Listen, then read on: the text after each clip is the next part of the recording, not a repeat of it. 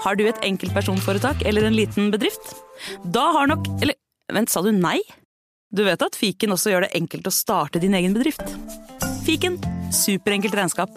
Ja, og hjelp til å starte egen bedrift, da.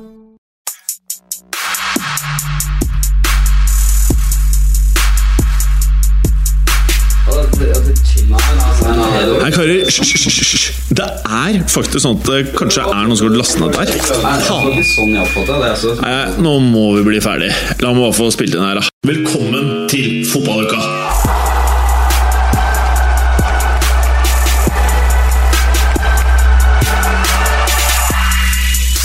Ho, ho, ho.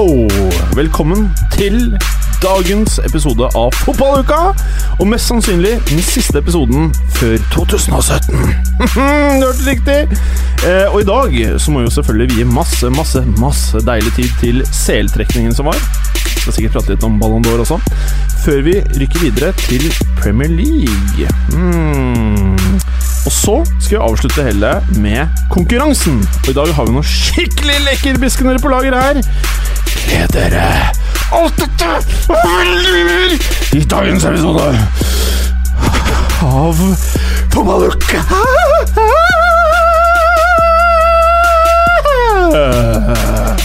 Velkommen. Hello, hello, monsieur Morten Gallozen. Du har fortsatt ikke tatt av deg ned til huden, holdt jeg på å si. Ned til T-skjorten. stresser så jævlig. Oi, oi, oi. Hey! Kjære lyttere, sånn høres det ut når Morten Galesen tar av seg genseren. Ja, men uh, vi ser ikke huden din, i hvert fall ikke noe mer enn vanlig, men du har klart det fotballuka, eh, fotballuka ikke har klart på mange år. Og det er å skaffe deg en T-skjorte hvor det står noe så fælt som pyro og pivo. Det som er litt morsomt, er at den ser ut som den er kjøpt i 1997. Altså Det er sånn gammel, sånn ruglete i stoffet. Ja, Det ser ferdig utvaska ut, da. Ja, han ser old school ut. Ja. Mm. Det ser heller ikke ut som det er noe som kommer til å vare veldig lenge. Det er riktig. Man, man får ikke inntrykk av at det sømmene her Det sitter, det sitter nok ikke all hver da. passformen. Ja, og så er det noe annet med Hvis du ser hvor skulderlengden ender, så er det u u der tris, nei, bicepsen til Morten Gallosen starter, under skuldermuskelen. Var det nøye planlagt, Morten Gallosen? Nei, denne fikk jeg bare i fanget. Og du fikk den i fanget, ja! Mm. La meg gjette eh, gjette av en som heter Trym. Kanskje? Ja, kanskje det. En god gammel testpress i amerikansk 2XL. Min, min å eks-partner legge på innen fotballeierskap i Og der har vi Bergeren. Mats Berger, for nye lyttere. Mats Berger, aka Browns. Eh, ja, du eide en klubb sammen med han som har trykka opp skjorten til eh, Morten Gallosen. Helt korrekt. Og eh, Bjørn Kristian Stadheim, som var gjest her i forrige sesong. Ja, det var litt av en episode. Ja, ja, Vi sendte jo han Trym over. Han, eh, jeg vet han gikk mye på byen og skrøt at han var klubbpresident, for å si det sånn. Ble det noe på han da? Jeg tror det. Ja, mm, Det funka. Gjorde du det samme, eller? Nei, Du Jeg var var, var der bare én uke, så Du var investor eller aksjonær? Vil du kalle deg, hva vil du kalle deg selv på jeg, byen? jeg var investor. Jeg, var ikke, hadde ikke noen aktiv rolle i klubben, Nei. men jeg var over og besøkte. Nei, Så du var Mm. owner? Ja. I'm am the owner of this club. Helt riktig. Kunne du si Det er ingen som bruker det. Altså. En av fire eiere. I'm, I'm one of the owners. Du sier jo selvfølgelig I'm the owner. Ja, ja, selvfølgelig. Ja, ja, selvfølgelig. ja Gallosen, eh, har du hatt en fin uke så langt? Eh, litt uoversiktlig, men jeg tror det. Ja, så bra, da. Mm, det er mye som skjer. Ja, det er mye som skjer, og du inviterer jo bare stjerner til den andre podkasten. Men i dag så får ikke du til å reklamere så mye eh, for denne T-skjorte-podkasten din. tenkte å ikke nevne det med et ord, jeg. Ja, Det er derfor du tok på deg T-skjorten. Ja, så nevner dere det for meg. Fader, du er markedsføringsgeni. En Yep. whiz. Og på andre siden her så har vi jo Jason Statham! Å, takk skal du ha. Det var deilig at den kom, ikke Let's Go. Ja, eh, men det er jo faktisk bare deg, Preben. Ja, Ja. det er faktisk det. Og eh, puppepartiet ditt er ganske tight på venstresiden. Altså for din venstre, min høyre. Ja, Nå skal jeg spise meg godt opp i hjula, så den sitter enda strammere. Ja. For du ser lager? maten på høyre side. Ja, sant. ja, Det er der du må jobbe. Nei, jeg må jobbe mest på høyresida. Høyrepuppen. Høyre- Du, du ser at hesten står mer ut enn vanlig, Bergeren? Ja, jeg ser det. Jeg tror det er Eh, tilfeldig. Nei, altså liksom, Du har ikke tatt silikon, og så har jeg bomma litt om mengden på den sida? Det har, det har vært stilig, for øvrig. Nei, det er ikke det. Jeg kan, av, jeg kan avkrefte at jeg har silikon i puppene. Det kan jeg gjøre. Dere hørte det her først. Ja, dere hørte det her først. Og med det så er jo du tilbake igjen, du Mads Berger. Jeg er tilbake. Ja, Du lider av det samme som meg denne uka her. Du har en kvise på nesetippen. Helt korrekt. Ja, jeg ser at du også har det. Ja. Det er jo. Julekvise. Men du vet, når man er i vår alder, så man bare ser på det som sånn ungdommelig glød. Ja, jeg, jeg gjør det. Ja, ja. Ja, Vi er jo faktisk ikke så gamle, da. Men øh, gleder du deg til dagens episode av Fotballuka? Alltid. Ja, alltid. Du også, Morten Gallosen? Ja, litt. Du også, Preben? Jeg tror det blir greit, det. Ja, veldig bra. Og med det så har vi en nydelig intro. Gleder dere, folkens.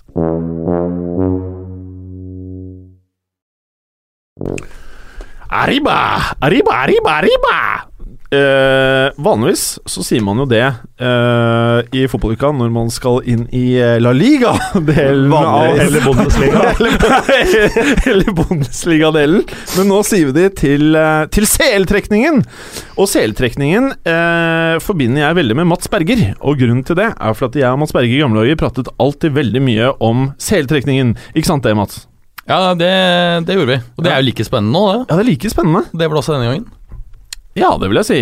Er det noen standout-oppgjør slik du ser det, Berger?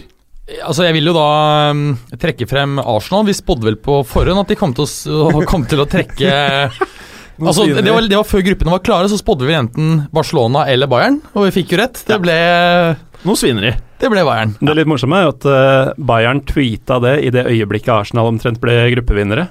At Gjorde det? eh, skal vi bare booke London-billettene våre nå? Utrolig Hele verden visste dette. Morsomt. Men altså, styrkeforholdet mellom de to lagene akkurat nå, så tenker jeg faktisk at det er 50-50. Ja, jeg mener det blir kamp, jeg nå. Ja, ja. Hvis, uh, hvis kampen har vært spilt nå, da neste uke, nå tror jeg faktisk Bayern blir en del bedre til februar. Dessverre for Arsenal. Men akkurat nå, så ja, Helt 50-50 for meg, altså. Ja, jeg ville sagt 45-55 er i eh, favør Bayern. Ja, jeg kan være med på det. Men, men, uh, Jeg kan bli med på den, jeg òg, faktisk. Ja, ja. Men så har du denne mm, vinterpausen i Tyskland, da. den særtyske greia, Ja. som du ikke helt vet hva du får uh, i uken etterpå. Den varer jo til eh, godt ut i januar. Eh, noe som kan vippe begge veier for Bayern, og for Champions League-eksperten Angelotti så er jo også dette nytt eh, område, en ny utfordring. Eh, så du kan jo få et helt uthvilt og skadefritt eh, Bayern i toppform, men du kan også få et som driver og skal spille seg inn igjen. Jeg tror det er eh, alternativ én av de to du nevnte. Jeg tror ikke det kommer til å være noe negativt. Allerede så har nok Ancelotti satset på å få laget i formtopp til type mars. Eh, og jeg tror vi kommer til å se, som du sier, et skadefritt Bayern som da endelig har begynt å klikke. Nå har de sett litt bedre ut de siste kampene, hvor det plutselig begynner å Blant annet så har vi sett at Müller liggende bak Lewandowski. Da, da han begynt å komme bra i form igjen. Så uh, jeg tror ting begynner å sette seg, og beklager, altså. Jeg tror ikke det kommer til å bli noen så spennende som vi håper på. Det blir eh, gøy, eh, og det blir relativt spennende, men det er jo ingen som lurer på om Arsenal skal gå videre eller bli slått ut i, eh, på dette nivået. Nei, det Eh, er, det er jo ikke same procedure Ja. as every year. Jeg føler at dere er akkurat som første episoden av fotballuka denne sesongen her, hvor Arsenal ikke engang kommer til å gjøre topp fire i år. Jeg føler det er samme, samme mentaliteten her. Jeg er faen ikke Nei, så tror det blir sikker på at dette her blir overkjøring, jeg. Attraktive oppgjør, det tror jeg det blir. Jeg tror det blir mål i begge matchene. Ja, Mye mål. Mm. Og jeg tror fort Arsenal kan vippe den her til, til sin fordel. Og det verste er at det oppgjøret her, det, det lukter Champions League av det. Ja, det det er veldig. som eh, Ja, det er, det er, det toppoppgjør, men et annet, eh, i hvert fall nytt eh, type toppoppgjør, PSG Barcelona. Å, jeg trodde du skulle si Real Madrid-Napoli, men greit. Jo, jo, jo! Vi, vi Skal innom det komme meste. til det også. Ja, Eh, På papiret ja. så oser det vel litt krutt av dette oppgjøret, vel? Ja, men- Faktisk så, um, if I may, Oh, ja, ja. eh, over så du. var jo en del av programmet som Preben denne gangen lagde. eh, det var jo et spørsmål hva blir de feteste kampene? Mm. Og jeg rangerte dem like gjerne. Jeg har PSG ja, Barcelona bra, som fint, eh, match nummer seks av åtte. Oh, det betyr at du tror at det blir veldig kult? Nei, det betyr at jeg eh, kommer til å prioritere andre kamper. Ja, men Jeg er helt enig i det, for over to kamper så tror jeg Messi blir for sterk for Ja. PSG, rett og slett. Eh, I hvert fall hvis Messi holder den formen han er i nå. Så PSG er jo ikke på det nivået de var i fjor. Nei. Side, Barcelona er jo heller ikke det, egentlig. Nei, de varierer litt mer. Men, og de er jo veldig avhengig av Messi. Det er jo liten tvil om det. Det er veldig avhengig av Messi. og det er klart at Tidligere så har eh, det kanskje aller sterkeste trekket til Barcelona vært midtbanen. Det, den er nå en del svakere, men så har vi samtidig sett at Messi, i motsetning til Ronaldo, som har tatt flere og flere steg mot, eh, mot altså oppover på banen, så ligger Messi noe dypere. Nå var jeg redd du skulle si noe helt annet om Ronaldo. Nei, men det, Nei, han- Barca ja, ja, ja. er avhengig av at, at Messi kommer ned og henter om Ja. dagen. At han egentlig er en midtbanespiller. Fordi uh, med Iniesta, med de skadeproblemene han har når han er ute altså Det er ikke det samme med Gomez og Dennis Suárez sentralt der. Nei, det er ikke det. Og, og, men det er litt interessant med dette med Messi og Ronaldo. Og vi kan jo gratulere Ronaldo med sin fjerde Ballon d'Or. Ja, det er stort. Er det noen her som ikke mener det var fortjent? Nei, men jeg har egentlig lyst til å spille inn en annen fyr, hvis vi kan hoppe litt over på Real Madrid-matchen, og det er Sergio Ramos. Dette, altså Ballon d'Or er jo en sånn spisskonkurranse, men det Sergio Ramos har drevet med nå, ja, la oss si de siste to årene, det er på et skyhøyt nivå. Jeg tør påstå at Sergio Ramos er viktigere for Real Madrid enn eh, Han har skåret noen ekstremt viktige goller for det laget. Det har vært Champions League, det har vært Supercup. Er Sist gjeldt Classico reddet han ett poeng på overtid. Nå, da de tok Deportivo, ja. mot Mm. Deportivo, hvor det så Altså, Real Madrid var ræva i den matchen her og lå under 2-1. Helt greit at Deportivo ledet, så bare dukker Ramos opp på slutten der, og selvfølgelig på overtid header inn en scoring. Mm. Så han er en matchvinner, altså, i, for dette Madrid-laget. Ja, Nærmer seg vel 80 skåringer for Real Madrid Jeg tror han har 78 mål for Real Madrid. Så jeg mener definitivt at han burde vært uh, diskutert uh, mer i Ballon d'Or. Men jeg skjønner jo at den går til, til Cristiano Ronaldo med CL-tittel og EM-tittel. og Real Madrid-stopperne, den som var høyest opp på listene, det var jo PP, som uh, var med å vinne både Champions League og EM, naturlig nok. Så det er jo forståelig. Pluss at jeg mener at han er en stopper som får litt vel mye eh, bare fordi han er ond og skalla sånn som dere. Ja. Men eh, Ja, det, altså det er mye haters. Jeg får nevne en liten Ja, ja, ja. eh, morsom story. Det var i sommer etter eh, EM, og så skulle jeg ut og spille litt shuffleboard og ta noen pils med en kompis, og jeg tok opp uh, temaet PP, hvor fan jeg er av han. Da truet han med å gå. Han ble rett og slett forbanna og litt aggressiv og truet med å gå. Og han er Newcastle-fan, og sa jeg ville jo ikke hatt ham på Newcastle. Da begynte han bare å skrike nei, og jeg måtte bare droppe temaet helt. Hvis ikke så ville han bare stukket, liksom. Så det, er det med folk, da? Ja, hva altså, er det det, med folk? det er en del PP-haters der ute som er eh, altså dedikerte PP-haters. Det sånn. Eller sånn som han der eh, kommentatoren for NRK sa gjennom hele EM, Pep. Han har funnet ut at han het Pep. Hvor, hvor forbanna blir man ikke når man er vant til at fyren heter Pepe, og så sier han Pep? Men altså, eh, la meg si, det EM-et her tror jeg satte en ny rekord i mye sinnssyke uh, Ja, og han derre stakkaren Renato Sarns ja, Sarns og, og, og, si det, da! og Buffon var Buffon. Eh, og så hvem- Fransk, jo, ja, plutselig. han ble plutselig fransk. Ja. Og så var det Joao Mario som ble Joao. Så der var det uttale, la oss uttale portugisisk på spansk. Ja. Det er ikke bra, vet du. Nei, helt håpløst. Men eh, til dette oppgjøret Real Madrid-Napoli, eh, blir dette et oppgjør, eller er det grei skuring? Det blir nok morsom fotball, og det er mange artige typer på begge lagene, men det blir jo ikke spennende. Eh, mulig Real Madrid-fans eh, frykter litt sånn albiol-Callejon-mos, men eh, det er det ingen grunn til å bekymre seg for. Det er vel Milik tilbake til de matchene, og det vil jo hjelpe Napoli veldig. Men eh, jeg klarer ikke å se noe annet enn at Real Madrid Hvor- eh, tar dette rimelig greit, Det. Hvordan var dette i eh, Champions League Fantasy Football igjen, Berger, når du lurte Bjarne, fotballukas Bjarne, til å bytte Hvordan var det? Du, du fikk han til å bytte ut Milik? Nei. Jo, Nei. Eh, jo, han nei. hadde Milik, og så fikk du han til å sette den ut. For eh, Dybala, selvfølgelig. og så Ja, selge en det. annen dyr spiller på et annet sted på banen for, For å å få Dybala Dybala. inn. Ja, ja. Ja, Og så- Dagen etter skåra vel Milik to mål. Ja, det mål, ja. Og så fikk ble Dybala skadet, og er ute siden. Det er sånn lille tips, det. Jeg moste Bjarne helt. ja. Men eh. Det er en soliditet over eh, Real Madrid eh, i år som jeg syns er Det er noe helt nytt. Altså, Zinedine Zidane Zidane har endelig tatt tak i dette som vi maste om store deler av forrige sesong. At vi trenger en sånn her eh, defensiv type som nå Casemiro eh, gjør, når han er skadefri, vil jeg merke. Eh, og de spiller noe mer Det er kynisk, men morsomt. Altså, Det er ikke bare å mose inn sånn Florentino Perez-spillere.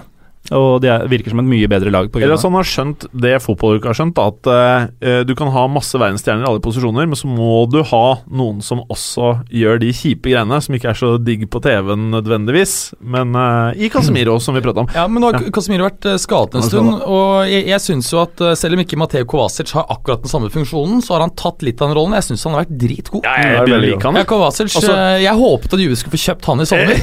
Jeg var så forbanna da jeg ikke greide å få rista han løs, liksom. Men eh, Kovacic Jeg har sett eh, De har stilt opp av og til med Kovacic og Modric. Ja. Det er en kul greie på midten, da. Ja, altså Kovacic er jo litt, har jo litt sånn bonebreaker-element. Er kanskje litt løp, mer løpssterk. Eh, og eh, fungerer spesielt mot litt lettere lag. Fint å spille da i den midtrollen med da Kroos og Modric på, eh, på hver side av seg. Men tenk eh, Kroatias eh, potensielle midtbane med de to og Rakitic. Ja. Det er nydelig. Mm. Ja, det er nydelig. Mm. Men jeg syns Real Madrid ser bedre organisert ut, faktisk, under Zidane enn de gjorde under Ancelotti. Ja. Det hadde jeg ikke trodd jeg skulle si. Så de er, Og ja. så har de jo en Har de jo totalt sett eh, Det er vel bare Bayern som på noe vis kan uh, samme, Har en like bred stall. Altså Real er vel enda bedre enn eh, Det er jo dobbeltdekning basically overalt, Det bortsett er fra verdens sykeste tropp akkurat sånn som det er nå. Ja, jeg kan si at uh, Danilo er ikke god nok, mener jeg, på høyre Jeg mener han er eh, bekken. Ja. Slitt voldsomt med selvtillit, da. Ja, Det er, det er helt sånn åpenbare selvtillitsissues han har. Ja. Han ikke klarer å ta imot ballen og sånn. Det gjør han egentlig. Det er jo Han, og, og, ja, og, Han klarer sånne ting som jeg nesten klarer. og, og kont Contrao, vet ikke hva som skjer med han, men han får, får faktisk ikke spille venstrebekken selv når Marcello er ute. Du tenker på røykeren? Hvem med Marcello? Eh, Contrao? Her er røyker han? Ja, ja. Han gjør det? Ja, ja. ja, Men Nacho har vært bra, altså. Jeg Han syns Nacho har vært bra i spesielt- alle matchene. Ja, spesielt et par eh, kamper jeg har sett han på stoppeplass, hvor han har vært liksom bare wow. Eh, så, eh, sånn at han Altså, han derre Nacho han, for, for meg, jeg har alltid sett på han som en sånn Bravo-type spiller. Ja. Eh, men så bare ut av nowhere så har han tatt et sånt steg som vanligvis disse unge gutta ikke tar i Real, i hvert fall ikke forsvarerne, mm. til å plutselig bli litt sånn Begynner han å bli liksom en konkurrent i Varan, eh, liksom, eh, på stoppeplassen av Han er ikke noe flashy i det hele tatt. Han gjør på en måte Han er veldig, veldig stødig. Aldri noe tabber, men han er jo ikke den veldig flashy stopperen. Det er han ikke. Nei. Men, Men, eh, veldig solid. Jævla bra dekning, og du Ja, kan ja, bruke ja. han til alle ledd, som er veldig typisk moderne storlag. Må ha flere er sånne spillere. med å sitte på benken, ikke minst. Det hadde jeg også vært. Eh, men Gallosen, bare veldig kjapt. Eh, du hadde rangert du dette her. Mm. Hva er det, kan ikke du ta den rangeringen veldig kjapt, da? Jo, eh, den feteste matchen blir definitivt eh, Manchester City mot Monaco. Ok, det er veldig pyro-pyro å si. Ok, Ja, det er jeg kan være delvis enig Er med det, faktisk. Ja. Ja, for det, det er to lag som Er det kan den du gleder deg mest til? Nei, det er det ikke. Nei, det er, Men det, han, jeg- men det er det han ramser opp her. Jeg er litt enig, men jeg jeg er enig at den er en, en undervurdert match, for mange tror med en gang her at eh, City skal ta det, men det kan jo du si litt mer om. Ja, nei, altså, Jeg syns den er fetest fordi det er to lag som kan spille blendende fotball, uh, og som har en voldsom styrke offensivt. Uh, Monaco har jo det, det er jo det mest skårende laget i Europa i år, og i går skåra de Da jeg slutta å følge med, så hadde de skåra sju i cupen. Uh, de leda 7-0 mot Renn, Rennes, som er i samme liga. Eh, ikke sant? Og dette er jo etter at de har vunnet 4-0 og 5-0 og er 3-0 og 4-0. matchene er 7-0, 4-0, 5-0, 4-0, 3-0, 6-0. Og så er det en 1-1-kamp mot Og, og de uh, vant også 7-0 i en annen kamp tidligere i år. Ja, jeg tror Den, Etter den kampen i går så tror jeg de har skåret 60 mål denne sesongen. Det er ganske heftig, altså. Helt sjukt. Og så er man- treneren her igjen? Det er uh, Jardim.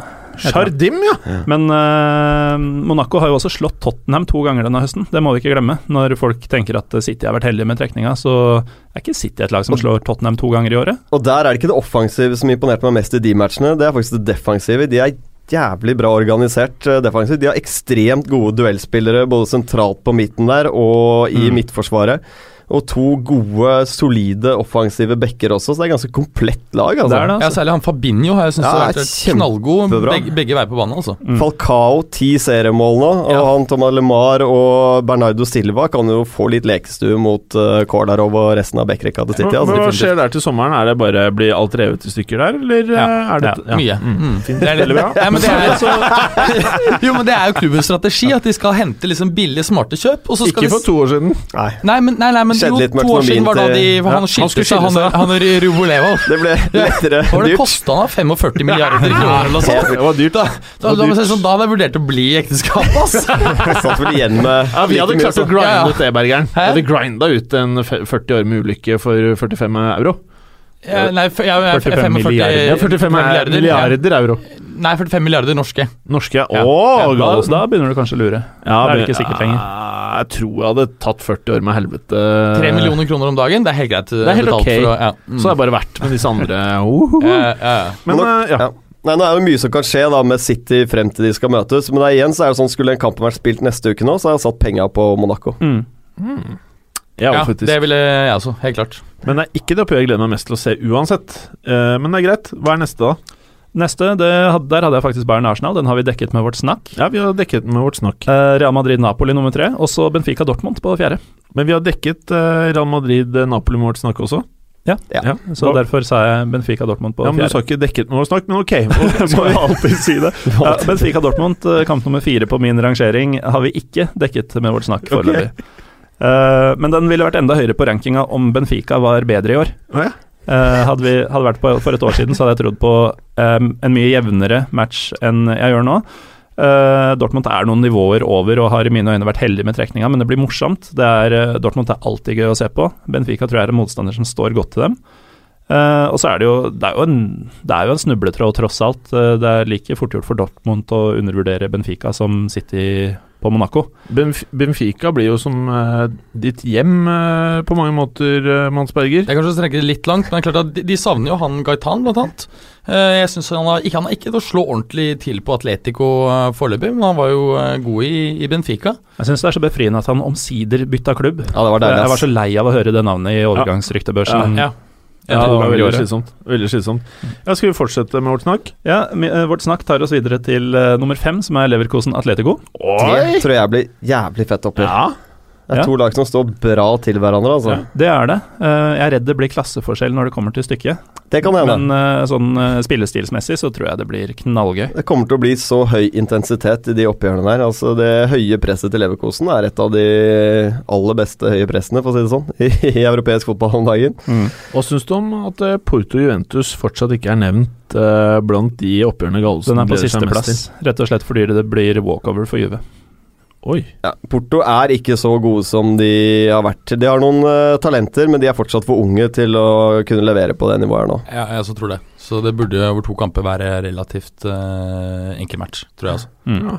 Men det er verdt å nevne at uh, hvis vi går litt tilbake til Atletico Madrid, så er jo Oblak ute nå i tre måneder med en Mhm. skulderskade. Så få se hva det har å si. Jeg tror ikke det spiller veldig stor rolle. Jeg mener at eh, nå har det defensive vært litt mindre bra hos eh, Atletico Madrid i år enn det normalt sett har vært. Men hvis de får tilbake den defensive strukturen, så tror jeg ikke det spiller så stor rolle. Som I disse to matchene vil de ikke ryke på at det mangler en feberredning eller to. Nei, det tror jeg 108 heller. Men, men det er klart at eh, det du sier at eh, de har ikke vært så bra defensivt organisert, men de spiller med flere offensive spillere er enn de har gjort tidligere, så det, det er ikke så rart. Uh, Jeg tror kanskje kanskje det er en liten miss av Diego Simione. Er, og det er jo ofte sånn med lag som har gjort det veldig bra, da, basert på en god defensiv, stram organisering, så skal de videreutvikle seg. Ja, Og så blir mer på med, de skal, Ja. Det er så krav fra fansen at det skal bli mer underholdende, og så Mm. går det til helvete. For da får de de billige baklengsmålene, de også.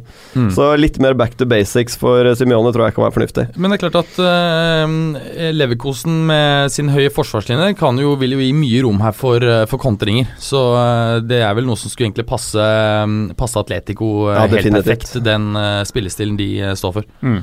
Og det er mye av grunnen til at jeg har den såpass lavt nede at jeg tror, eh, tror det blir relativt enkelt, hvis man kan snakke om det på Champions League-nivå, for eh, Atletico. Ok. Uh, tok du alle matchene nå? Nei. Nei, nummer seks, Ja. PSG Barcelona, har vi jo dekket med vårt snakk. Ja, så har vi Sevilla-Lester. Ja, Det er da det nest kjipeste. Jeg ville satt den bare helt klart nederst, liksom. Ja, Jeg, jeg syns den er skikkelig spennende. Jeg digger Sevilla, men det er å se Leicester mot Sevilla er ikke enig, ass. Det røsker ikke i nøttene. Vet du hva, liksom. spesielt på Ramón Sanchez her, så kommer det til å bli mos. Det er jeg ganske Nei, det er det jeg sikker på. ikke er så sikker på. Fordi at um, Nå viste jo Leicester uh, nå i helgen at uh, står du høyt mot, mot dem og har litt sånn wobbly i, uh, på stoppeplass, så kan du bli knallhardt straffet, sånn som City ble. Eh, vi vet jo hvordan uh, Sampaoli eh, med sin Bielsa-stil Det kommer til å være mye løping, kommer til å være høyt press. Der kan det være mye rom bak uh, for uh, Vardy og Co. Altså. til å selge, vet du. Ja, ja, så Den kampen her tror jeg kommer til å bli eh, jevnere. eh, og Jeg ser ikke bort fra at eh, Leicester tar det. Oi. Faen, nå ble jeg plutselig keen på scenen. Det er, det er lang vei fra det du sier nå, til uh, den idiotien som jeg har sett uh, på pauserom på jobben blant annet, og litt i sosiale medier. Og Det er folk som sier at Leicester har vært heldige med trekninga igjen. Da vet de jo ingenting om Sevilla og europacupfotball. Jo, men altså, det er jeg jo e- enig i, for så vidt. Fordi at de kunne jo trukket lag her hvor det hadde vært no fucking chance for at de hadde vunnet. Her er det faktisk en mulighet, spesielt med tanke på hvordan uh, Sevilla spiller. Nei, Sevilla har vært gode i år, altså. Ja, ja, ja. Det jeg har sett av dem, så er de et eh, mye mye bedre fotballag enn Leicester. Og Absolutt. i de aller fleste tilfeller så skal det gå ganske greit for Sevilla, dette Ja, her. jeg tror Leicester kan få kjørt seg skikkelig. Altså, nå, nå ga de selvfølgelig ikke jern i den siste matchen i Porto, hvor de fikk grisehjuling, Nei, det- men jeg, jeg tror fortsatt de har en liten forsmak på hva som kan vente dem. Jeg tror det blir ordentlig reality check. Ok, ja, Det blir spennende å se. Ja, det blir også interessant å se om Leicester uh, greier å få tak i en uh, god bonebreaker uh, til midten her. For det er klart at det er det de mangler for å greie å få presset motstandernes angrep ut på sidene. eh, og, Ja, og med- med suksessformelen som vi- de hadde i i fjor. fjor, ikke sant? Ja. Og, og presse da frem innlegg, hvor vi vet at eh, at uh, West Morgan og Hot er sterke på hodet. Ja. Men hvor Leicester-overgang hadde det ikke vært om det var de som henta Idrissa Gueye fra Aston Villa i sommer? Ja, uh, jo det- mer jeg ser av han, eh, jo mer sånn kantete syns jeg han eh, ser ut. Ja, Eh, kantete. fordi han Kantete. Eh, fordi han både er den ballbreakeren, men også en overraskende god ballspiller. Veldig mye involvert med ballen, tør å holde på, han slår gode pasninger. Eh, og det gjør jo Kanté. Eh, det er bare at det er ikke det han var kjent for. Mm. Så han ville jo vært en perfekt arvtaker. I stedet så driver det og caller rundt med Andy King og Ja, det er litt rart at ikke de la mer eh, i å få en god erstatter for Kanté i sommer. At de på en måte satset på eh, Hans Limani og Ja, de hadde kjøpte jo en god, brukte en del penger i sommer. De mistet jo Walsh da, til Everton, som eh, var mannen bak de fleste signeringene til Leicester året før. Ja. Ja, der har du det. Uh, han hentet jo han da Idrissa Gay til eh, Everton mm. uh, like etterpå. Kosta ikke penger heller, vet Syv mil pund eller noe. Mm. Men uh, veldig kjapt, har vi pratet nok om Porto og Juventus? Altså, jeg, nei, jeg kan jo godt sette av en times tid til for, for min. Nei, men det er La som, oss ta et det, er som ble sagt her, altså at dette er ikke en, eh, en veldig sterk årgang fra Portos side. Juventus har ikke vært noe spesielt bra i høst, øh, men de leder jo ligaen bra. De vant øh, gruppen sin.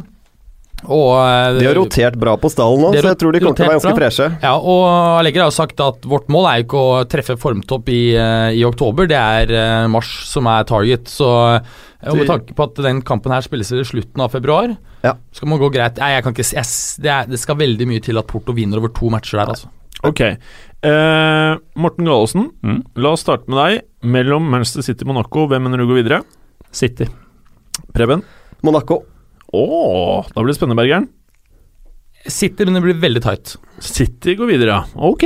Real Madrid, Napoli, Bergeren. Ja, Real, selvfølgelig. Selvfølgelig. Madrid. Real Madrid. Det var lett, skjønte jeg. Benfica Dortmund, da, Preben? Dortmund. Jeg tror de portugisiske lagene er for dårlige når Ja. de kommer til de utslagsrundene der. Å, jeg er så glad i Portal. Det var litt dumt, det der. Eh, Morten? Eh, det er Benfica det er snakk om her. Men eh, Dortmund går videre. Mm, det skjønte jeg ikke. Ja, Dortmund okay. går videre. Ja, veldig bra. veldig bra Det var mye be Hadde dette vært uh, ukas frekkas, så hadde du fått bedre uh, score enn det Morten fikk her. Ja, Bayern var- Arsenal trenger vi ikke å ta, for den vet vi hva vi liksom- svarer på. Ja, Uh, Jeg tror Arsenal tar det. Kutt Nei, ok, vi tar den. Eh, Berger. Bayern. Jeg sier Arsenal, jeg. Bayern. Og jeg sier også Arsenal, faktisk, bare for å være med her. Eh, Porto Juventus, Bergeren, det har vi jo svart på. Ja, Juve. Juve Juve, og Juve. Juve. Juve, Juve, Juve. Leverkosen Atletico Madrid, Berger. Ja, det er Atletico. Oh. Atletico Madrid tar det. Atletico Madrid. Oh, Atletico Madrid, ja. PSG, Barca, Bergeren. Barca. Mm. Barca Barcelona. Oh, ganske samstemte, tror jeg. Ja. Ok, da. Så Sevilla Leicester, da, Berger. Jeg velger å være såpass hipster at jeg sier Leicester. Altså. Ja, det er bra! Endelig en liten rysere her. Jeg tror dette blir den største overkjøringen. Sevilla. Jeg henger meg på Preben, som jeg alltid gjør. Ok, veldig bra. Da tror jeg vi egentlig har gjort oss ferdig, med mindre det er noen siste ord her. Nei. Det har vært innom Ballon d'Or òg. Ja, vi har vel det. Ja, jeg er enig med at det var ganske fortjent uh, pris. Ja, Ja. Det også dekka vi jo med vårt snakk. Men, ja, men det jeg også tenker, Grismann var jo den som var nevnt nærmest de, de store, da. Og jeg mener Hvis du ser året under ett, så mener jeg faktisk Luis Suárez er nærmere den gullballen enn uh, Antoine Griezmann. Det var Eh, vel basert dette, på det var vel dette EM-et som liksom gjorde det, da, Ja, ja, for Suárez hadde vel eh, Eller har vel 46 mål og 20 assist eller noe i hele 2016. Det er ganske ville tall. Mm. Ville tall. Jeg er faktisk helt enig med deg. Men også er det noe med det at uh, i EM-årene så eh, får du veldig mye fokus på de spillerne som spilte EM, ikke like mye på Copa America. Nå spilte jo Luis Suárez i Copa America, men det var ikke, jeg tror ikke han skårte mål i det hele tatt. Det var ganske Nei, han har vært i ganske svak form eh, fra sommeren. Men Ja. han står jo allikevel med masse mål. Er det ti mål han har i Altså Han er jo rett bak Messi og, og Ronaldo på toppskårerlista i La Liga. Så han har liksom hatt en drittsesong og allikevel uh, hamrer han og innkasser. kasser. ja. Veldig fint. Bra.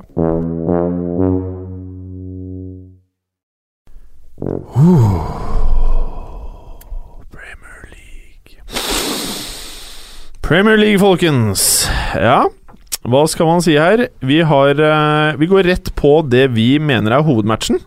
Everton-Arsenal, eh, Preben. Den eh, skuffet jo overhodet ikke. Tirsdagsmatchen. Eh, I starten så syns jeg det så litt dødt ut, for det var på en måte to veldig godt organiserte lag som utligna hverandre på, på mange måter. Det var lite målsjanser, men så tok det jo helt av de siste fem minuttene. Men en mann som var virkelig i sentrum her, er jo Ashley Williams, som uh, var fryktelig svak i første omgang. Først så prøvde han å knekke beina på Idrissa Gay. To strake inn i kneet hans, og lagde for så vidt frispark i den situasjonen til eh, Arsenal, som eh, Det er helt absurd hvor mye som kan gå galt på ett minutt. ja, Alexis Sanchez tar det frisparket, skyter da Via Ashley Williams. Ashley Williams som står planta med knottene i gresset og er ikke i nærheten av å rekke å få det opp, og setter sin egen keeper totalt ut av spill. Og, og 1-0 til Arsenal. Det er selvfølgelig da Ashley Williams da som blir eh, helten her på ja, tre-fire minutter før slutt. slutt. Det var eneste måten han kunne rette opp i noe som helst på, var jo å vinne kampen for dem. Uh, og det var jo litt sånn, eh, Vi har jo snakka litt om at de kanskje kunne være styrka faktisk av å selge Stones og få inn Williams. Det så ikke sånn ut i første omgang. Jeg tenkte sånn, Fy faen, nå skal vi spise orda våre i neste fotballuke. Og det sier faktisk litt. I hvert fall etter å ha sett Stones i, i helgen mot uh, Men blir, blir stopperne dårligere med en gang de tar på seg en lyseblå drakt, eller? Ja. Det virker sånn. Virker som de bare mister liksom eh, huet litt. Det har jo med spillestil da, Du er Ja. fryktelig sårbar som midtstopper i Manchester City. Ja, når du skal spille alltid ut fra ba, altså ut Ja. bakfra osv. Så, videre, så Så jeg, jeg tror ikke det har noe med klubben å gjøre, men det er, det er en stor omvendingsprosess, eh, spesielt som engelsk stopper, å gå over til å spille slik Guardiola ønsker. Ja, men eh, selv om det ikke er eh, Guardiola City, da. Dette er jo ikke noe nytt. Det er, Ja, men det er jo hvert år i City, da. Ja, men dette er, andre, dette er jo den første stopperen vel han har hentet, så vi kan på en måte ikke sette dårlige prestasjoner fra Mangala annet eh, på, på hans eh, kappe. Det er vel også noe med innkjøpspolitikken i City som er litt sånn Ja. De skyter litt fra hofta når det gjelder stoppere, iallfall gjort det tidligere. Ja, det er det. Og så Men- betaler de ekstremt høy pris. Men var det egentlig noen som sa at de skjøt fra hofta da de henta Otamendi, f.eks.? Det var jo mannen alle ville ha, Ja. og City var de som var heldige og fikk tilslaget. Er det er sånn jeg husker Ja. det, i hvert fall. Ja. Ja. Er Mangala også var jo hot. Ja. eh, Ja, alle ville ha han. Ja. Så da har Men det egentlig sånn virka som ok kjøp da de har gjort dem. Men det Eh, Litt stive om- priser og greier, men Det handler mer om spillestil enn om spilleren i seg selv, spør du meg. Det er gode individuelle. Nei, ikke Mangala, men Nei. også Motamende det er jo en god individuelt god midtstopper. Litt vill i stilen, riktignok. Men han er jo ikke god når han blir fullstendig Altså har null protection da fra midtbanen til City. Nå er det kanskje ikke City vi skal snakke mest om akkurat nå. Men Nei, vi skulle egentlig prate om kampen som Ja, er Everton-Arsenal. Apropos City, burde kanskje ha tatt med i, um, i Champions League-delen. Det er jo relevant her, for så vidt, men uh, det er jo at Gundogan antagelig, muligens, er ute resten av sesongen. Ja, fikk det- seg kneskaden nå. Kunne vi jo Det, har snakket vi om. Ja. Husk jo, fordi jeg, Dere mente det var så jævla godt kjøp. Så sa jeg at jo må du legge inn her at den, det kjøpet reflekterer at dette er ikke en spiller som spiller mer enn tre-fire måneder eh, i sesongen. Og der hadde vi det, liksom. Ja. Ja, det er ingen som er overraska over det. Nei, så, Ja, han er most, han. Og han har vært jævlig god for, uh, for City, altså. Men det som er rart med han, er han, han eh, kommer alltid opp på sånn absurd høyt nivå, selv etter den ene langtidsskaden etter den andre. Det. Uansett hvor lenge han er ute og hvor ofte det skjer med en, så klarer han å bygge seg opp igjen og bare har ja, Han har jo så mye i beina i utgangspunktet, da. Men klassisk er jo han at ikke når han da når det sinnssykt, da vet du at nå er det rett før han blir skadet. Nå Liksom. Det er et sånn tegn på at nå er han ute for lenge hvert øyeblikk. Men en som ikke var veldig god, er Mesut eh, Han, Han var passiv på siste målet. Ja, på det siste målet Generelt i kampen så var han jo svak også. Mm. Ufattelig mye feilpasninger. Og på det siste målet så er det jo han som egentlig står og har eh, Williams der. Han snur ryggen til og bare går ut av 16-meteren. Altså, Williams uten, uten å være. Arsenal-fan, så Ja. fikk jo jeg lyst til å bare klatre inn i TV-en min og kvele fyren. Jeg ble så sur. Ja, Men det er sånn total eh, mangel på respekt, så spør du meg, altså, Ja. for eh, lagkamerater og den jobben du har. Men, men, Sier fullstendig faen. men Øzil generelt, altså, han, han har jo skåret en god del flere mål i år.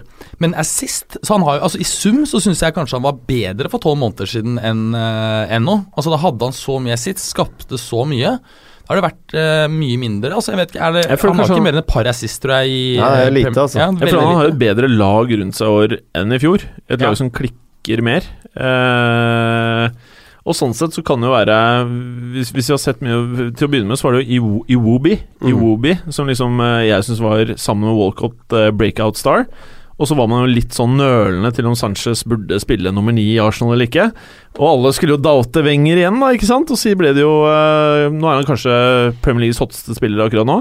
Eh, så kanskje Øzil rett og slett eh, har fått en ny rolle i laget, ettersom laget også har forandret seg noe fra i fjor. Mindre avhengig av at det er han som eh, fòrer. Ja, det kan være. Så det var fryktelig mange assistene var jo til Giroud også. Nå Mm. har du ikke det eh, Den fyren på topp lenger, så, Nei. som du kan Nei. sikte på pæra til. Det er litt annen spillestil. Men stat-wise eh, så er det jo merkbare forskjell at det er mer mål og veldig mye mindre assist. Men nå har eh, Arsenal tapt to matcher i Premier League i år, da. Én mot hvert lag fra Liverpool. Eh, fortsetter det sånn, så ender det jo ganske greit eh, på tabellen når det kommer til stykket. Men vi må snakke litt om Everton også. Eh, de har jo hatt eh, det man kan kalle en Arsenal-november. Eh, de hadde jo ikke vunnet en match siden 30. Eh, og det, når det er Arsenal, da, som for en gangs skyld hadde unngått å ha et mareritt i november, så var det jo dem som måtte bryte uh, trenden for et annet lag, så det lå, lå litt i kortene. Uh, Everton syns jeg var bra i andre omgang, spesielt. Ja, jeg syns det var fullt fortjent til slutt, når det målet kom. Men det var en kanonade der, da, siste Ja. de to minutter på overtid der. Hvor det er, det er vel to ganger redning på strek fra Everton. Så det var, Og Ja, det, kanskje snytt for straffe. Jeg har bare sett den situasjonen én gang.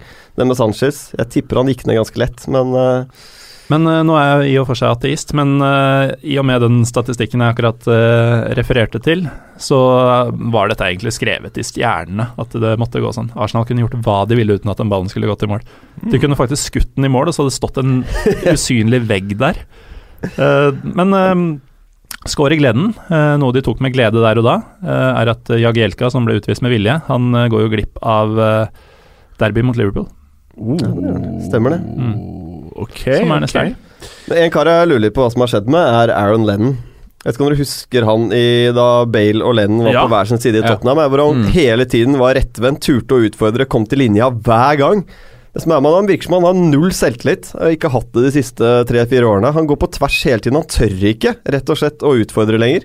Så nå er han jo helt ubrukelig utpå der. Men hvor, eh, hvor, hvor gammel er han blitt nå? Han er 29. Har han mistet noe av det rykket, eller har han det før du like mye? Han er nok ikke like rask som meg, men man ser det jo ikke lenger heller. Han prøver jo heller ikke å utfordre. Det Så- rare er at de hadde han på lån først, Ja. og så bestemmer de seg for å gjøre det permanent. Han viste jo ingenting på lån heller. Ingenting. Han så ikke akkurat happy ut da han ble signa heller. Hvis man litt på sånn Instagram. Ha- Hartson Martinez var sånn- eh, til Kina. Ja, ja. Dette her må jeg kimpe, liksom. Dette er, drø dette er drømmeovergangen. ja, Man virker ganske ferdig. Altså Ser litt sånn championship-aktig ut om dagen. Nei, nå- når vi er inne på overganger um, Kunne forstått tatt den når vi kom til Chelsea, men, men Oscar ser Ja. ut som går til Kina. Han kommer ikke til å smile på bildet, han heller. Han, var ute selv nå og sa at det var, dealen var 90% gjort, Ja. og der snakkes da om uh, 60 euro, altså 50 pund. Nøyaktig dobbelt så mye som de kjøpte han for. Fantastisk eh, salg. Ja, ja, det er kjempe, kjempesalg. Men problemet til Chelsea nå er at de må ikke selge unna altfor mange, for neste år skal de spille europacupfotball igjen. Og da trenger de mer enn 13 mann, altså som de bygger stallen ned i nå, ser det ut som. Jo men, jeg, jo, men det er fordi han ikke ønsker han. Og jeg, det er jeg ganske sikker på at eh, Conte ønsker, er å kjøpe Marcelo Brozovic fra Inter, som er uh, ung. Veldig bra løpskapasitet, bra skudd, er litt sånn uh, allround, men, uh, men har absolutt en del av de eh, defensive kvalitetene som, uh, som også Matic og, og, og Kanté har. Ja. Men, men skårer mer mål enn de de gjør. Det som er litt med han derre Conte Jeg blir veldig lite bekymra når det skjer ting med lagene hans. Fordi jeg bare føler at han eh, jeg, han- er Jeg stoler full på kontroll. Han Ja, skjenker et par steg lenger uh, før han gjør noe. Ja. Ja, så, så, Om han selger han der, der for uh, altfor mye penger, så tenker jeg det er smart, det. Ja, ja. Og om han eh, kjøper noen jeg egentlig ikke syns er god, så tenker jeg også at det er smart. så alt han gjør Jeg bare Ja, Gud, ja. Jo, Brozovic er veldig bra. Var det akkurat du nevnte apropos Kroatias midtbane? For jeg tror nemlig at uh, på den midtbanen så vil Brozovic være der, altså. Brozovic er knallgod. Det virker som du liker Brosevic. Jeg er veldig fan. Det er han som ryktes til Everton, er jo Morgan Schneidle fra Manchester United. Ja. Det tror jeg er et eh, godt kjøp av Everton, hvis de får han. Det er sånn klassisk storklubb kjøper spiller som ikke er så kjent, for en altfor høy pris. Ja. Bruker den ikke. Prisen stuper, så kan du plukke den opp eh, billig. Og nok en spiller som alle var kine på Ja, ja, ja. eh, de to siste årene Solid var i upgrade fra Gareth Barry, Ja. som er over toppen for fire år siden. Vi må videre, folkens. Eh, Berger. Eh, Middlesbrough, Liverpool. Et Liverpool uten Coutinho. Vil du si at de overbeviste? Absolutt. Spesielt defensivt syns jeg det var eh, bra. Nå spilte jo ikke Karius uh, i denne. Uh, det var jo Da var han ferdig. Ja, altså Mignolet var, syns jeg er bra. Han vartet opp med flere gode redninger, og vi så ingenting av de de defensive svakhetene i hvert fall ikke like tydelig som vi har sett de siste kampene. Eh, nå spilte jo heller ikke Matip her, men, men Men Ragnar det var bra. spilte bra. Ragnar var bra, mm. og samme han eh, Lovren var decent. De kom jo til noen sjanser her, eh, Middlesbrough, altså, så han måtte jo varte opp en par, par redninger, men i sum så virker han betydelig tryggere enn en Karius, så, så jeg forventer at eh, jeg, jeg tror Mignolet får flere sjanser eh, fremover. Men det var bra, bra offensivt. Eh, 3-0, dobbel eh, Lallana. Han er oppe i fem mål for sesongen. Det er like mye som han har skåret på det meste tidligere for Liverpool. På en Jeg syns Lallana virker dritbra. Ja, ja, han ser kjempebra ut. Eh, også Vinaldum spilte bra. Eh, Fantastisk angrepsspill av Liverpool i år, altså. Det er ja. jeg synes, dritkult å se på de offensivt. Ja, så er det litt sånn som eh, glansdagene til Dortmund under Klopp. At det er ikke nødvendigvis de beste spillerne i utgangspunktet. Sånn Nei. som Divock Origi. Han ja. Helt ser jo jeg fortsatt på som en ganske ræva spiller, uansett hvor bra han gjør det. Eh, samme med Lallana. Ja, Men det funker så bra. Det er som Kevin Grosskreutz og Lucas Barrios i gamle dager. ja. Er Ja, ja, og, og Origi har, Lallana, ny Grosskreutz. har jo både, både assist og scoring, og de har jo taklet veldig bra, egentlig, syns jeg, offensivt, det å, å ikke ha Coutinho. Det er bakover det på en måte mangler litt fortsatt i det laget her, men det er klart at eh, hvis uh, sier at de spillerne er, blir litt bedre ut sesongen, og um, de kanskje får lagt på ett bra forsvarskjøp til til uh, sommeren, så har de en knallstall som kan uh, være med ja, De kommer å være med inn her, men jeg tror, jeg tror jo at Liverpool kommer til å ta et seriegull under Klopp. Så er det interessant med Hart. Fordi Ja, bare, eh, du mener ikke i år, men Nei, i, nei, altså, i løpet av ja, tida han er her. Ja, ikke i år, nei. Nei. Men uh, i løpet av sin, uh, sin tid i Liverpool så tror jeg han kommer til å uh, gjøre det. La meg spørre om en annen ting. Tror du han kommer til å bli en Kanskje ikke så ekstrem som Ferguson og Wenger, men tror du han kommer til å bli en ny type trener som er i lang, lang tid i Liverpool? Eller ser du for deg mer enn tre til fem års stint? Jeg ser for meg kanskje sånn femårsstint, jeg, egentlig. Mm, Um, Ja, maks. Ja, fordi at han er uh, Jeg tror det vi så som skjedde på slutten i Dortmund, var at da var det De andre lagene hadde uh, mindre problemer med å, å stå imot presset til uh, Dortmund. Virket som på en måte kanskje ikke spilleren lot seg det, det kjenner du til hva som skjedde internt der, Morten, men virket som ikke på en måte alt fungerte like bra bra som det gjorde tidlig i karrieren hans. Så jeg tror det er mer sånn typ fire-femårsgreie. Veldig bra. Preben, Tottenham hull. Ta det kjapt, det var jo Hull. Det er jo blitt laget hvor eh, Tottenham dumper alle de spillerne de ikke trenger lenger. Og det var jo Michael Dawson, Livermore, Huddlestone og var tilbake. og Ryan Mason kom innpå etter hvert. Eh, Hull er eh, et fryktelig dårlig fotballag, altså. Det, de er på vei rett dit hvor alle har spådd de, og det er championship neste år. Tottenham er ikke fryktelig gode. De var, prøvde en 3-4-3, da. De også prøvde, å, prøvde seg på en konte. Funka brukbart, men en som virkelig var bra, var eh, Christian Eriksen. Han har fem mål på de fire siste i Premier League, og han har på en måte etterlyst at Christian Eriksen må komme i gang for at dette Tottenham-laget om det skal ta noen steg oppover. Ja, ikke så Ja. men altså, Vi har tatt opp to ganger, og kort tid etter det så begynte han å hamre inn mål. Det er jo, øh, Nå har han jo vært fantastisk. Ja, Jeg sjekka ener, nemlig altså. på abonnentlisten vår, og der står Christian Eriksen. Altså, det er en abonnent i London som heter Christian Eriksen, som hører på Fotballuka, så jeg tror faen meg vi har eh, snudd hele greia. Han har tatt det til bra. Christian. Det er bra, Christian. Hvis du, hører, hvis du hører på nå, Christian. I neste kamp Nå skal jeg kjøpe deg Det er mot deg Burnley ja, jeg, hjemme. Der jeg- må det bli tre poeng. ja, jeg, jeg, har kjøp, jeg skal kjøpe deg nå i fantasyfotball, og skal jeg sette sånn derre se på deg, altså kaptein. Og hvis du da ikke leverer nå, etter vi da ga deg alle disse gode rådene, så er det rett ut igjen.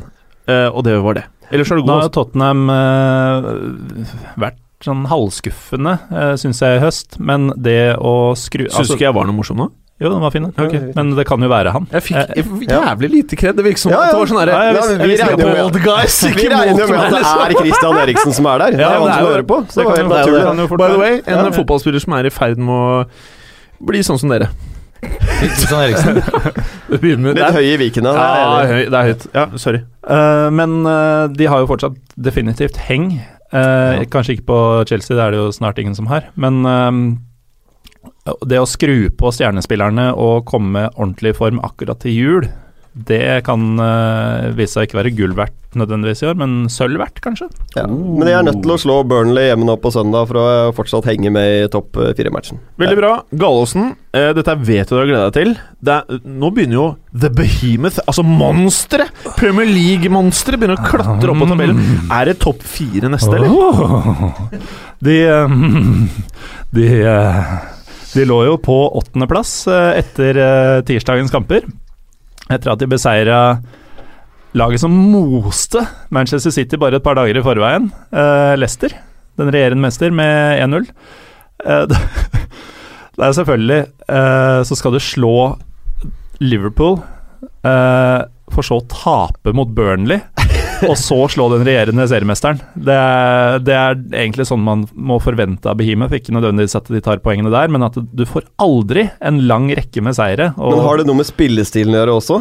At de er sårbare? Ja, jeg mener at hvis de da har en litt off-dag med den spillestilen, at de kanskje ikke La oss si at de møter Burnley, da. Så senker de seg kanskje de også automatisk eh, 5 da, i alle valgene de gjør. Mm. Og da er de ganske dårlige plutselig. Da kommer de tabbene. Mens mot topplagene så er de på en måte 100 påskrudd hele tiden. Så er det jo godt dokumentert at jeg har en viss oversikt over um, Bournemouth by. Ja, Eh, og jeg kan nærmest garantere at de spillerne ikke holdt seg til feiring i én dag etter seieren mot eh, Liverpool. Eh, Det kan man jo kanskje skjønne. Ja, eh, for det er fine puber. Ja. Eh, og de får ikke oppleve sånn eh, så ofte. Men hvor er det Bournemouth ligger igjen? Eh, Sørkysten, rett vest for eh, Southampton. Ja, ikke sant. Mm, mm. Eh, og du kan se Isle of White fra stranda. Ja. Men eh, jeg må rose sir Edward, eller Eddie Howe som menigmann eh, kaller han. Jeg skjønte, skjønte egentlig ikke dritten av hentinga av Ake, for jeg tenkte han var rein venstreback, og det hadde de allerede to ganske bra av. Men han har tidvis spilt enormt på defensiv midtbane. Han, har et stort hjerte. ja, han river og sliter så mye at ja, selv Liverpool ble jo stressa og straffa. Så Behemoth uh, Vi spådde jo klar av nedrykksstriden, men nå Europa League-kamp, det er nok litt å ta i. Um, men midt på treet, kanskje. Det vil være en veldig god sesong for Bournemouth. Men kan, jeg, kan jeg ta opp en ting? Veldig kjapt. Apropos når vi snakker om nedrykk osv. Um, vi, eh, vi tippet jo Leicester relativt langt ned på tabellen. Jeg selv tippet mellom 10. og 12. Nå ligger de jo klart dårligere an enn enn det, selv etter seieren mot, eh, mot City. Dette er laget som skal slå ut Sevilla og gå til kvartfinale i Champions League, er det det du sier? Ja, jeg, jeg tror De kan De har allerede dekoblet seg fullstendig i Premier League og Champions League, så, så det kan jo gjerne fortsette. Men tror dere det er noen sjanse for at de faktisk rykker ned? Nei. Nei. Det er fordi Hull er for dårlig, Sunderland er for dårlig, og Men Sunderland ble Swansea- nummer 17, så det er er for en dårlig. ledig plass der. Swansea tar eh, Ja. ja. Og Middlesbrough også er for dårlig. Så tror jeg faktisk har sagt at Swansea klarer seg. ja, Jeg tror Burnley også kommer til å falle som en sekk Mm. fra februar og utover. Jeg tror de er for gode på defensivt hjemme. At de greier å plukke med seg nok. Men uh, apropos Sunderland, Berger. De tok imot uh, Chelsea. Ja. Ble det mos, eller? Nei, det, det ble ikke Mos uh, Sunderland var faktisk bedre mm, defensivt organisert enn jeg hadde, hadde forventet. Eh, Fabregas er jo tilbake her fra start, det er litt interessant. Eh, han imponerte da han kom innpå her, eh, eh, var det sist eller før der? Og, og skårer også kampens eneste mål her eh, i, i denne kampen. Han var litt Eh, lei seg etter matchen og mente at folk hadde glemt hvor god han var. Sånn. Ja. Han sa det. Altså Merkelig hvor fort eh, folk glemmer eh, hvem du er og hva du står for. Så, eh, og det virker som at Conte har vært mer happy selvfølgelig med, med prestasjonen hans, og at mot lag som de, de regner med at de vil domi må måtte dominere mot, så tror jeg fort du kan se at han kommer inn, fordi han er fortsatt en fantastisk pasningslegger. Jeg skal være så gæren og si at jeg, eh, Conte har gjort et eller annet med Chelsea for meg, så, som gjør at jeg, jeg, jeg begynner virkelig å like det. Altså. Ja, det er blitt en sånn Det er liksom den maskinen. du. Ja, jeg, Ja, men det- jeg det er liksom begynner sånn faktisk å bli maskin sånn som- sympatisør nå. Det er, jeg trodde aldri jeg skulle si dette, men Conte har bare snudd hele greia for meg. Ja, ja. ja, Han gjorde det før han snudde laget for min del, så jeg har jo holdt med dem siden starten av. Ja. Og Det er jo derfor vi tipper Chelsea som ligavinner òg. Det er jo Ja. Antonio Conte. Det var ikke Ja. fordi den spillerstallen var Premier Leagues beste. Nei, men også, vi, vi, Jeg synes, mente også at det var en, egentlig en veldig bra stall, og at uh, Kanté kom til å være en sterk bidrag, bidragsyter. Men jeg Altså- hadde ikke Jeg husker i fjor så disset du meg fordi jeg hadde Matic Og da peker du på meg. Ja, på Ja, deg ja. på Jim dissa Ja. meg fordi jeg hadde Matic uh, i fantasyfotball. Det skulle jeg jo hatt i år! Han har jo vært en i i, i, jeg Timing har alltid vært din sterke side. ja, jeg, jeg var litt tidlig Hvis du har han over en femårsperiode i fantasyfotball, så skal du sikkert klare en periode hvor nei, han er altså, fin å ha der. Han har jo uh, levert er fem-seks assist i år og, uh, og vært uh, vi- knallgod. Vi har Mm. veldig dårlig tid. Er det noe mer du vil si om denne matchen? Jeg hadde nesten ikke begynt, jeg, på Ja, nei Nei, det er jo Chelseas tiende strake ligaseier og seks poengs ledelse til Liverpool, som ligger på samme poengsum som Arsenal, men over på, på bedre målforskjell. Det er klart at Nei, jeg, jeg, Det her ser veldig bra ut. Men det som er interessant å merke seg for de siste kampene, det er at flere og flere prøver å, mm, å angripe massivt på Chelseas venstre side, hvor du har Marcos Alonso, som ikke akkurat er knallbra defensivt, eh, og Cahill, som tross alt er mer vant til å være helt i midten enn på en måte noe sånn Beck er, og det gjør at du får en del, en del rom nede i hjørnet der. Uh, og Det tror jeg på en måte er uh, kanskje den beste måten å bryte ned Chelsea. Men det er flere som har prøvd på det de siste kampene, men det er ingen som har lykkes enda med å, å få det til å funke. Bra. Men det er nok svakheten, tror jeg, til, eh, til Chelsea defensivt. Ok, og så er det det andre laget som vi også har tippa i toppen her i år, eh, Preben. Manchester City. De tok imot Watford. De vant 2-0, men det var et City-lag som ikke var spesielt uh, bra, altså. Uh, Sabaleta skårte sitt uh, første mål på vel to år. Da Det er nok en 1-0. spiller som du ligner litt på. Altså. Ja, ja. Ja, veldig. Men det rare med Sabaleta er at når han først scorer, så syns jeg ikke det er noe overraskende. Jeg tenker at han gjør mye mer ut av seg uh, offensivt enn han uh, gjør. Og så kommer sånne statistikker og bare dasker meg i trynet. Ja, men det som er eh, litt mer overraskende, er at Manchester City ikke hadde vunnet en hjemmekamp på tre måneder. Hadde ikke vunnet siden 17.9. hjemme, Hæ? da de slo Bournemouth eh, 4-0. Så det var jo ganske Det er seier, det Det altså. tenker man ikke over, vet du. Nei, nei. Ja, Bra men- Men det er jo krise nå at Gündogan er ute. ute. Jeg mener. Ja. Gündogan. Ja, ja det, det, er ikke, det er ikke bra i det hele tatt. Så jeg, jeg, eh, jeg hvis, hvis vi fortsatt tenker at City er det laget som eh, Nei, nei, jeg bare fikk noen rykninger. Sitter fortsatt er det laget som, som på papiret he, skal liksom kjempe virkelig med Chelsea helt inn. Så, eh, så ser du bedre og bedre for Chelsea her. Ja, ja. Så det er jeg, det. jeg, jeg tror det er faktisk uten Gundogan så skal det bli ganske tøft å, å vinne ligagull. Du et andre lag fra London, vet du, Arsenal. Ja. Jeg tror ikke de er helt ute av dansen. Nei, ikke Liverpool heller. Blir ikke topp fire, Arsenal. Det har vi sagt. uh, var det noe mer da, eller, Preben? Jeg kan nevne at Kevin De Bruyne nå er den med flest assist i topp fem europeiske ligaene. Åtte assist. Han er jo ekstremt viktig for det laget her. Han og ikke minst David Silva når han er på. Så de blir enda viktigere nå som Gundergan er ute. Gallosen, du runder av Premier League-delen med kanskje det sexiest- sexieste laget i hele ligaen. Crystal Palace, som tar imot Manchester United, som plutselig eh, Er, er, er de topp fire contenders nå igjen, eller? Ja, Oh. topp fire contenders, definitivt. Eh, ikke gull, eller vi hadde den til og med på sølv, vel? Ja, jeg mener det ikke er helt hadde borte i natta ja, hvis de fortsetter sånn som de spiller nå. For nå spiller de bra fotball offensivt. Det Altså. virker som om Mourinho har knekt noen koder, og Manchester United. Vi får se. De kan gå inn i en eh, fin flyt nå. Så nå har de to uh, tette sånn sliteseire på rappen. Man så uh, både på seiersmålet til Ibrahimovic rett før slutt, og da kampen ble blåst av, hvor mye det betyr for dem, hvor sammensveisa de faktisk virka. Og inkludert Mourinho, som uh, man jo har uh, ant at har kommet litt på kant med eh, diverse folk allerede. Eh, han har fått i gang Mkhitarian etter en eh, kontroversiell behandling av vedkommende. Eh, nå er han riktignok skada nå. Eh, Det virker som om, eh, og dette har vi vært litt inne på tidligere i høst, når det sto på som verst, at uh, Hva driver du med? Uh, nei, Mans Berger Jeg beinflørter beinflørt litt. Etter Hva var det? Ja, det var deilig. Ja, etter å ha blunket. Nei, men måtte ta det lente på seg tilbake, tilbake i nytelse. Det var det. Var så smått innom det, en liten teori uh, som vi lufta da det sto på som verst med Mourinho. Dere lyttere, det er litt sånn julestemning i studio i dag. Skjønner jeg mener? Lukter kaffe, flørting, kontakt Og røde gardiner. Og rød gardiner. mm. Du skjønner vi har dårlig tid, skjønner du, Morten? Ja, ja, sorry, Morten. Ja, vi har jævlig dårlig tid, da kommer Ja, vi dårlig tid. Nei, men at eh, Han har alltid fått disse klinsjene med spillergruppe og egentlig alle rundt seg. Eh, Den der kaos-Mourinhoen har alltid dukka opp seint etter at han har hatt suksess først. Og han har aldri fått sjansen til å komme gjennom det, eh, for han har alltid endt med å bli sparka eller gå av.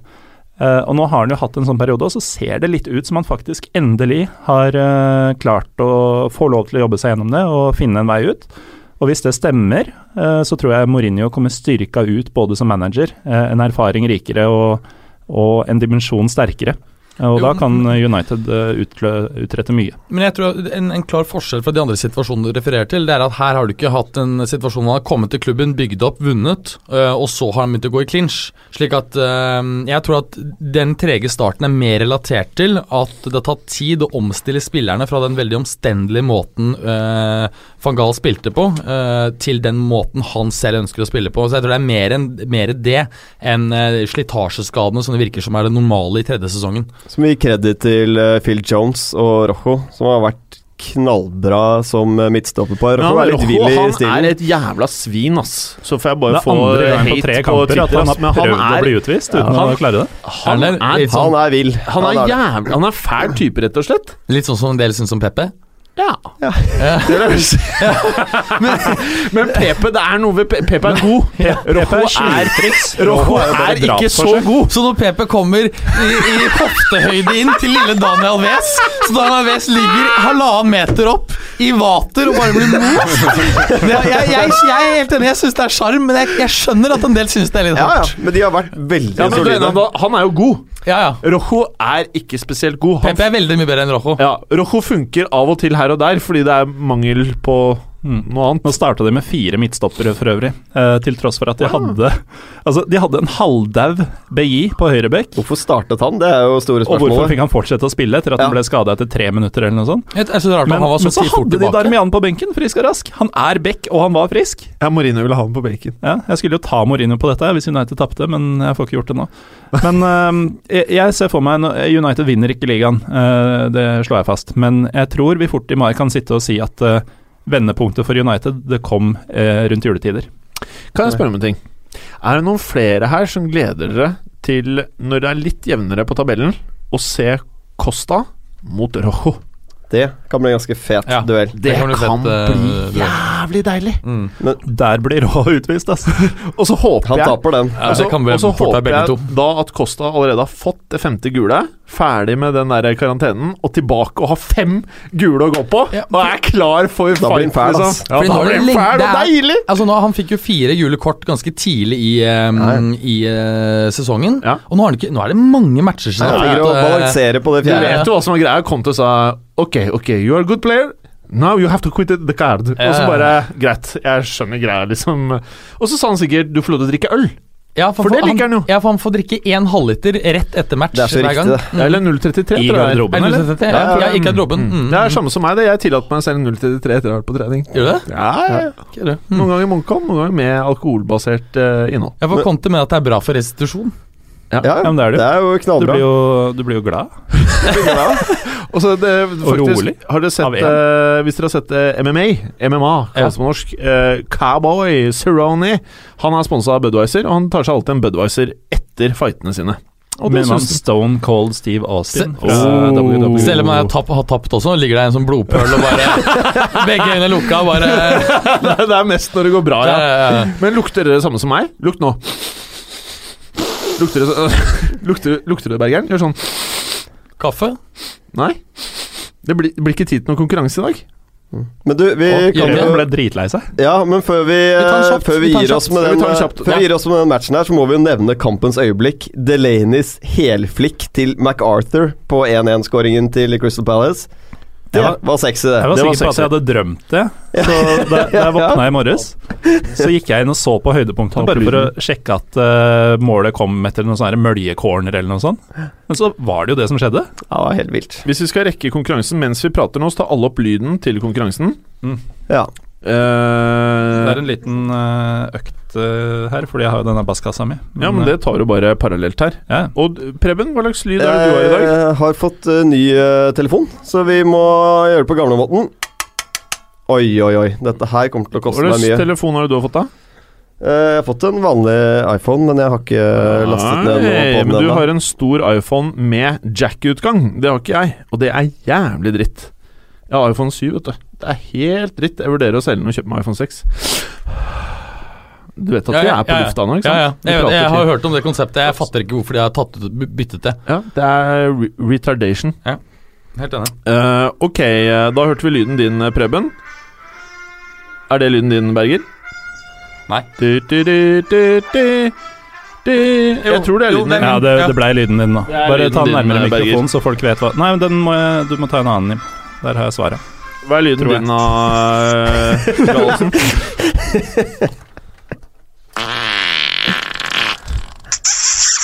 Ja, den er, Og dette er et annet uh, prompesoundboard enn tidligere, så jeg tror jeg skal ha kontroll på denne. Ja. Det er godt at du har svara, da. Ja. Men uh, Har du spørsmål, da? er alle klare? jeg er Det er Jeopardy, dette her. Jeg har Jeg må svaret, bare, men jeg må uh, sjekke om jeg har svarene.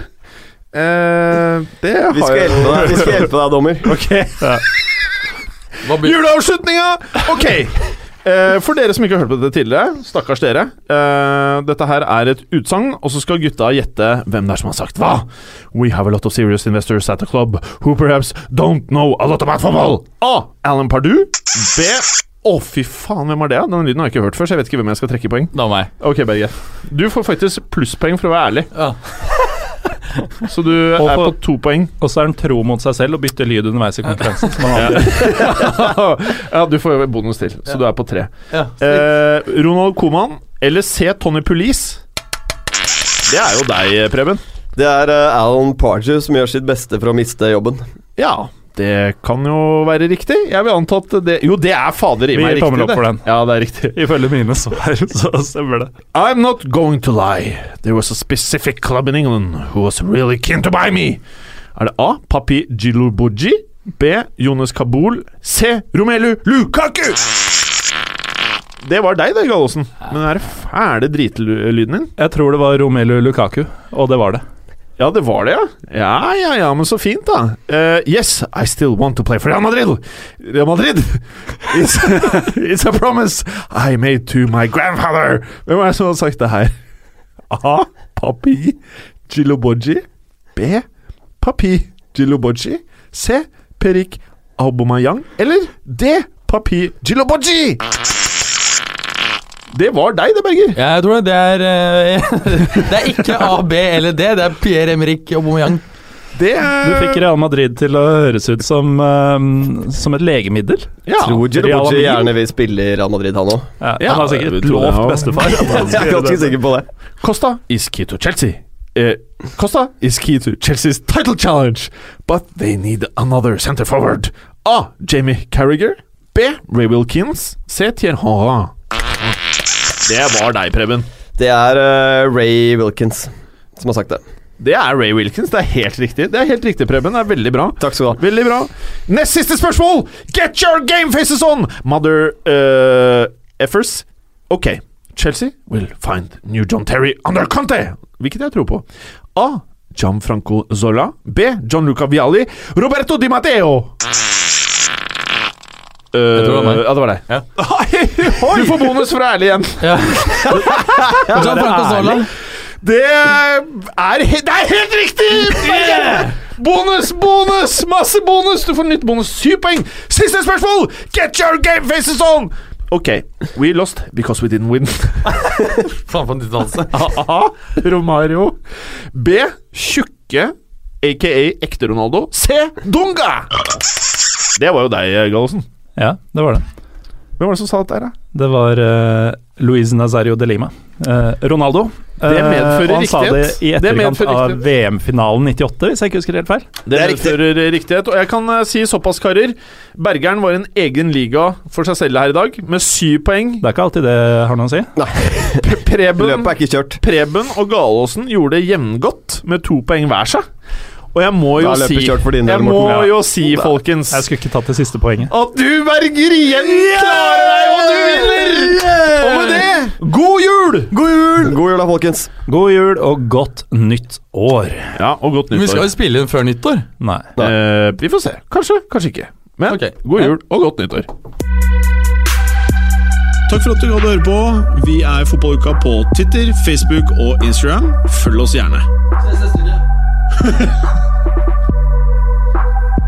Men bare få høre. Den tror jeg blir litt fet.